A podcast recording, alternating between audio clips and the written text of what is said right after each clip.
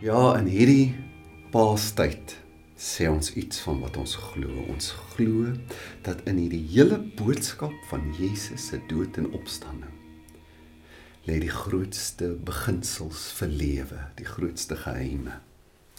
Kom ons kyk na 'n donker episode in hierdie hele kruisdrama. Ons lees van Judas en Petrus. En terwyl hy nog spreek, daar kom Judas een van die 12 en saam met hom 'n groot menigte met swaarde en stokke gestuur deur die owerpriesters en die ouderlinge van die volk. En sy verraaier het vir hulle teken gegee en gesê die een wat ek sal soen dit is hy gryp hom. En dadelik gaan hy na Jesus en sê gegroet rabbi. En hy het hom gesoen. Maar Jesus sê vir hom vriend waarvoor is jy hier? Toe kom hulle nader en slaan die hande aan Jesus en gryp hom En een van die wat saam met Jesus was, het met een sy hand uitgesteek en sy swaard getrek. En hy het die dienskneg van die hoëpriester geslaan en sy oor afgekap.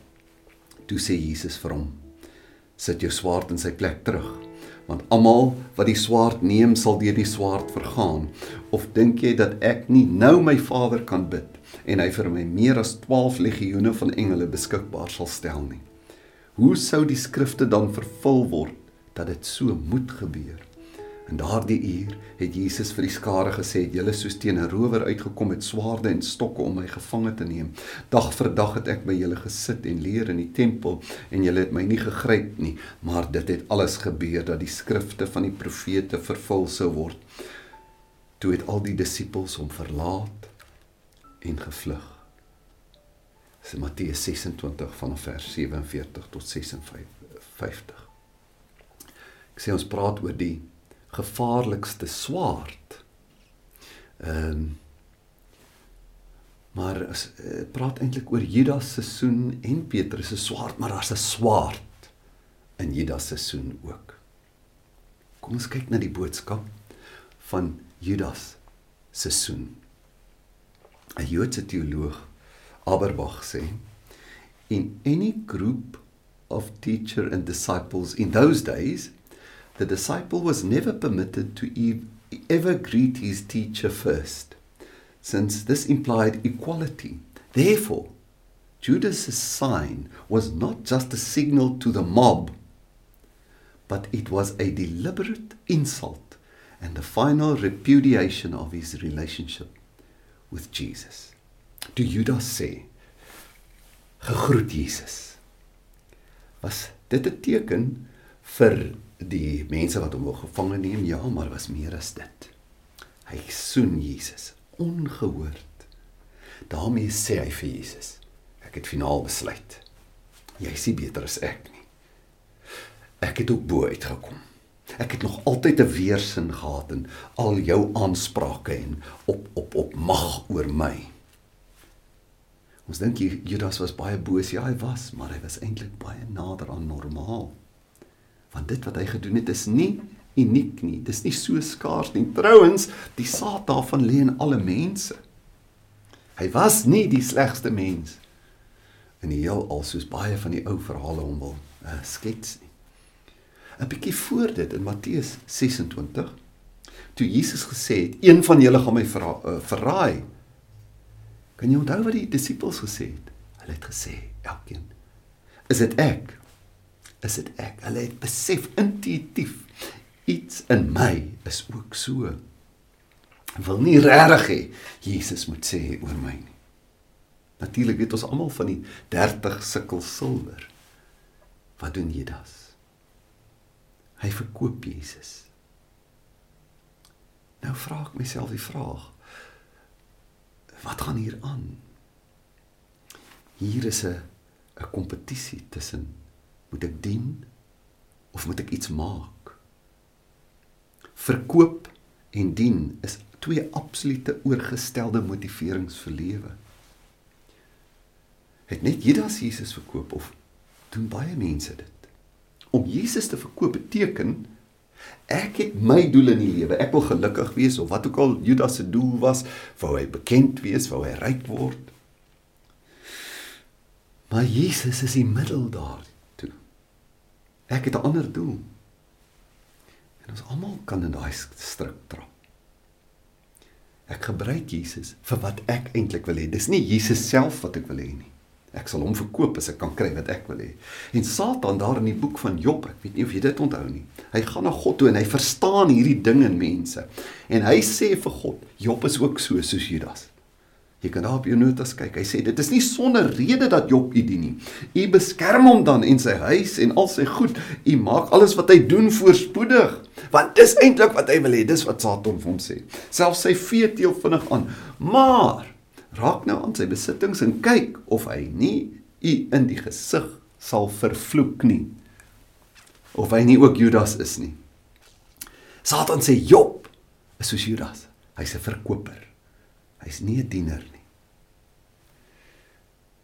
Baie mense is so, ooh, het ek nie al gesien wat dit my so hartseer maak dat mense in my gemeente as dit met hulle skeefloop werklik al God begin vloek het. Wat sê dit vir my? Ek is in dit vir wat ek uit dit kan kry. Dis die taal van 'n hart wat verkoop en nie dien nie. Ek het gebid en ek het so gemaak niks het uitgewerk nie. Hierdie is sommer net 'n 'n 'n veevraag. Wat jy eintlik dan sê is my geluk, my agenda is nie onderhandelbaar nie. Ek kan nie dit verkoop nie. Dis waarvoor ek gaan. Dis altyd my doel. En as God nie help daarmee nie, dan is hy onderhandelbaar. My geluk is die uh, my my doel. God is net 'n middel. Uh en ons is altyd in daai stryd. Uh waar is ek? Ons is net soos hy disipels sê, is dit nie miskien ook ek nie? Ehm um, en dan sê Jesus vir hom, ek weet nie of jy die woorde raak gesien het nie. Vriend, Waarvoor is jy hier? Reg deur die boek uh Matteus is elke plek waar die woord vriend gebruik word gebruik vir 'n waarskuwing. Gaan kyk na al die uh uh gelykenisse. Een een gelykenis daar kom 'n man by 'n 'n troue onthaal aan en hy het nie die regte klere aan nie. Dan vra die gasheer vir hom: "Vriend, wat doen jy hier sonder die regte klere?" Nou Matteus, Markus en Johannes. Hulle plaas twee karakters teenoor mekaar. Maria, uh die suster van Martha daar uit Betanië en Judas. Onthou jy vir Maria?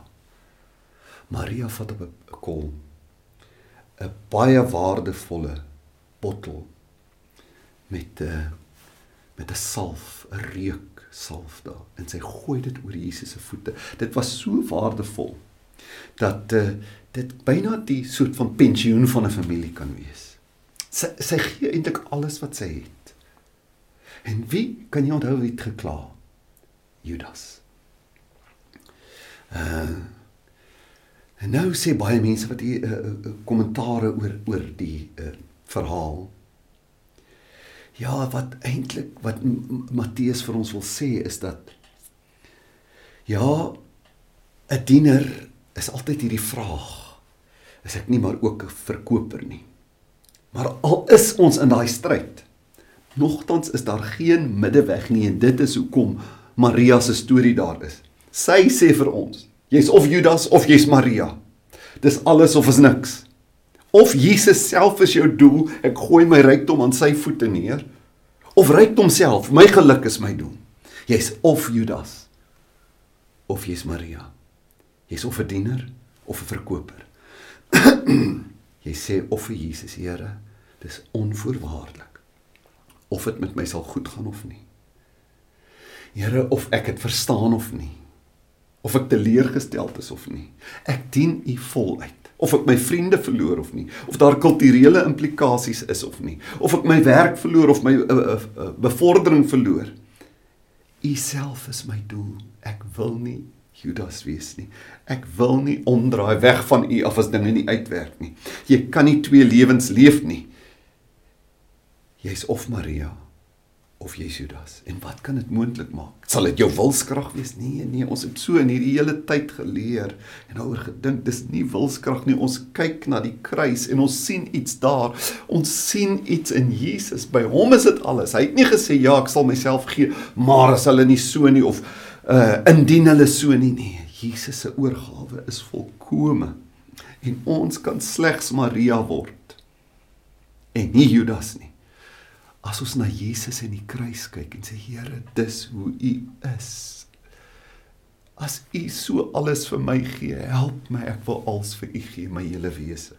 Een prediker sê dit so: How do you come to grips with someone who has given himself utterly for you without you giving yourself utterly to him? To hold back anything is not just an outrage to the moral sense, it's the crucifixion of the intelligence.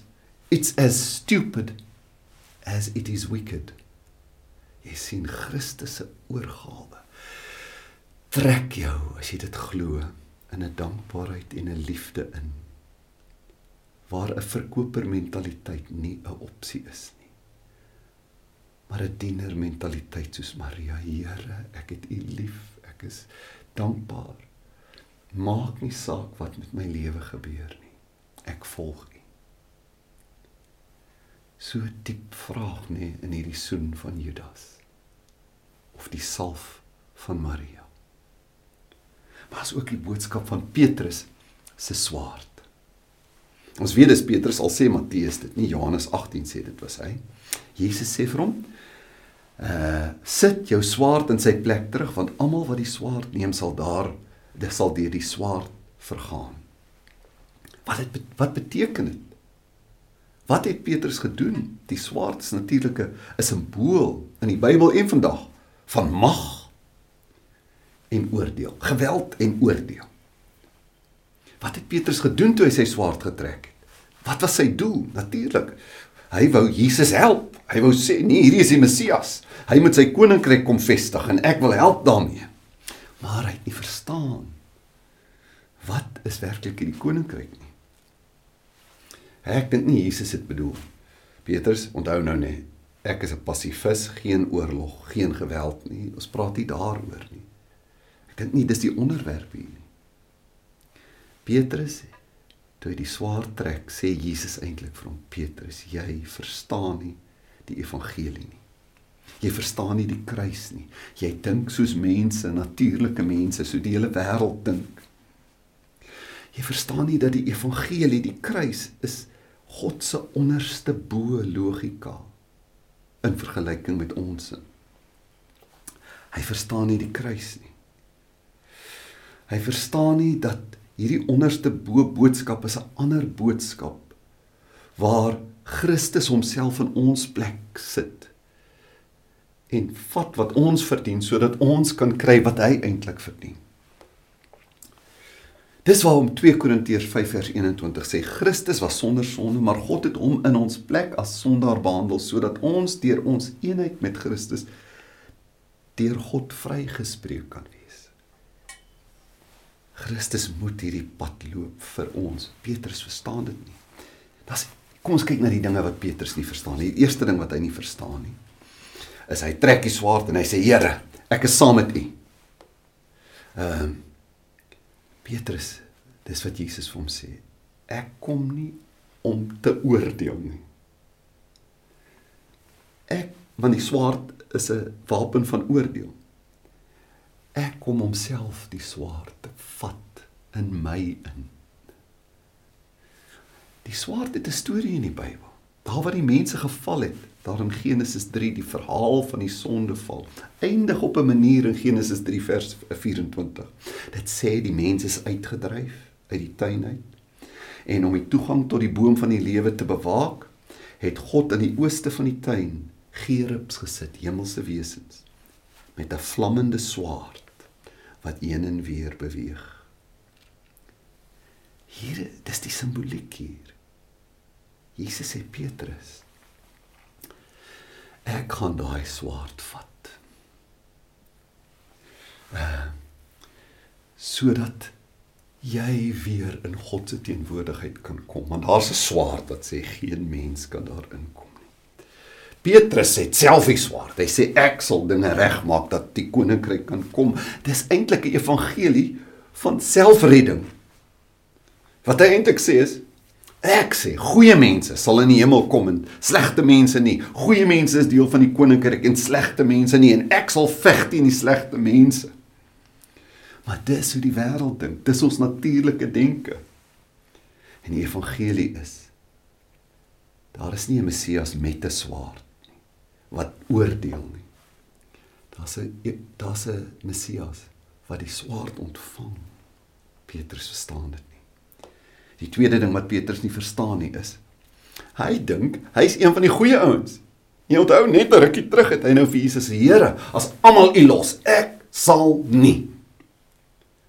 Ek is nie een van daai slegte mense nie. Jy sien Petrus vind sy selfbeeld nie in die evangelie nie. Hy vind dit eintlik in sy eie ego en sy eie arrogansie. Die evangelie het eintlik 'n sielkunde. En die sielkunde is nie vind iets in jouself nie. Vind dit in Christus want hy is jou plaasvervanger soos ons hierdie hele tyd gehoor het.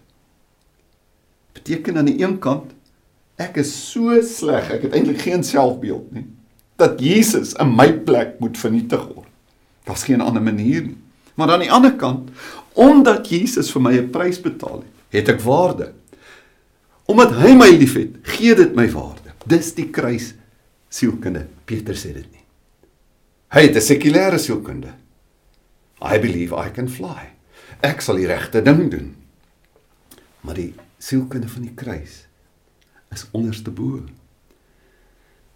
God se manier dat jy eer ontvang is deur te erken ek is God se vyand. Ek is vuil, ek is verlore.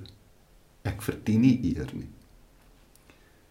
Die manier om te weet jy is bemind, jy's aanvaar en jy kan hoop hê is om te erken ek verdien nie om bemind te wees nie. Ek is 'n vyand. Daar is eintlik vir my in myself geen hoop nie. Al hoop wat ek het is verdoemenis. Die manier om te weet ek het waarde is nie ek het inherente waarde nie. Ek het waarde omdat hy sy lewe vir my gegee het. Ek erken ek het erken ek is 'n sondaar, ek is verlore, daarom is ek gevind. En daarom kan jy nie soos Petrus na ander ouens kyk en sê hulle verdien die swaard nie. Jy sê ek het die swaard verdien, maar Jesus het dit gevat. Jy kan nie die swaard swaai nie. Jy kan nie sê ek is een van die goeies en hulle is eh, die slegtes nie. Daar's net een goeie en dis Jesus. En so kyk jy na alle ander mense, ook na jouself. Ek het net waarde omdat hy gesterf het en daarom kyk ek na ander mense en sê ek kan nie ore afkap nie. Ek kan nie eh, dolksteke gee nie. Ek kan nie oordeel en mag uitoefen nie. Ek is een van hulle. Ek glo net dat Jesus iets vir my gedoen het. En so kan jy selfs mense van wie jy verskil diep respekteer. En jy het altyd hoop vir mense. Selfs al moet jy vir hulle die waarheid vertel en van hulle verskil, kom jy met 'n diep nederigheid en respek. Petrus verstaan dit nie. Sy idee van die lewe is die goeie ouens maak dit en ek sal hulle wys ek is een van die goeie ouens. En daar's 'n derde ding wat Petrus nie verstaan nie. Hy verstaan nie dat die manier wat God gebruik om die wêreld te verander is nie deur mag, militêr of finansiëel of polities of sosiaal nie, maar deur diens deur opofferende diens, selfopofferende diens. Petrus verstaan nie. Dis nie mag wat die dinge gaan regkry nie. Wie is die mees invloedryke persoon wat die meeste bereik het in die geskiedenis van die mensdom? Is natuurlik Jesus. Hoeveel verkiesings het hy gewen? Wat 'n politieke mag het hy? Was hy die hoof van 'n weermag? Het hy militêre mag? Het hy ooit 'n oorlog gewen? Hoeveel geld het hy gehad? Hy het niks gehad nie. Hy het sy lewe gegee as 'n as 'n offer. Al mag wat hy gehad het, is die mag van opoffering, diens, liefde. Op plek sê hy: Die jakkals het gate en die voëls het neste, maar die seun van die mens het nie eens 'n plek, 'n klip waarop hy sy kop kan neerlê nie. Jesus het die hele wêreld verander sonder om ryk te wees Hy het eintlik die wêreld deur sy armoede verander. Dit sal jou houding teenoor geld vir altyd verander. Hoe ryker jy word, hoe meer sal jy moed gee. En dan Jesus het die wêreld verander deur self sy vyande te dien. O, wat 'n swaard het Petrus nie opgetel nie. Ek wonder of jy met daai swaard leef. Is daar mense wat jy so weghou? Sê nie jy nie, nie mense soos jy nie. Kan ons nie hier op pad na Paasfees toe sê, Here, asseblief help my dat ek nie Petrus is nie. Help my dat ek nie op die manier myself of on, wil bewys of die wêreld wil regmaak of ander mense wil regmaak nie. Help my dat ek nie soos Judas is nie. Dat U net 'n middel is tot my eintlike doel nie. Maak my 'n Maria. Dat U alles is in my lewe. Kom ons bid saam. Here, ons kom na U toe. En vandag vra ons Here dat ons nie daardie soen sal hê wat ook soos 'n swaard is nie. Die soen wat sê U kan my nie beheer nie. Here, laat ons eerder buig en U nie verkoop nie.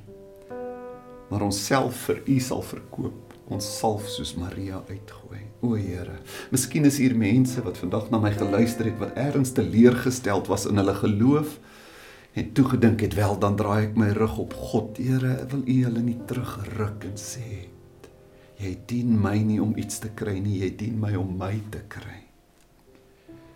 Maak ons soos Maria wat alles vir U gee. Ons is nie verkopers nie, maar dieners. En Here dan bid ek vir mense wat dalk soos Petrus met 'n swaard loop in hierdie tyd van lockdown agtergekom het. Ek het die swaard selfs in my eie huis. O Here, maak ons vredemakers. Wat verstaan, die wêreld word verander nie met mag, beter weterigheid, oordeel, gestryery, geweld nie, maar met diens. Met die wete ek is maar net soos jy. Ek is ook maar 'n sondaar. Help ons om vrede te maak in Jesus naam. Amen. Ek hoop so hierdie boodskap van 'n soen wat eintlik 'n swaard was en dan die swaard wat vernietig kan in ons harte bly lê. Wil jy nie nog 'n paar minute in hierdie uitsending bly? Om maandag op ons daai mooi lied sing. Gee ons vrede, Here. Maar die boodskap insink en vra maar weer bly getrou. Bly 'n diener. Moenie die 30 sikkels insamel nie. Gee vir die werk van die Here. Jy kan bydra dat die gemeente gesond bly ook finansiëel, dat sy werk kan voortgaan deur Zapper, Snapscan, jy kan 'n EFT doen. Amanda sing hierdie lied so mooi. Kom ons wees vrede maak.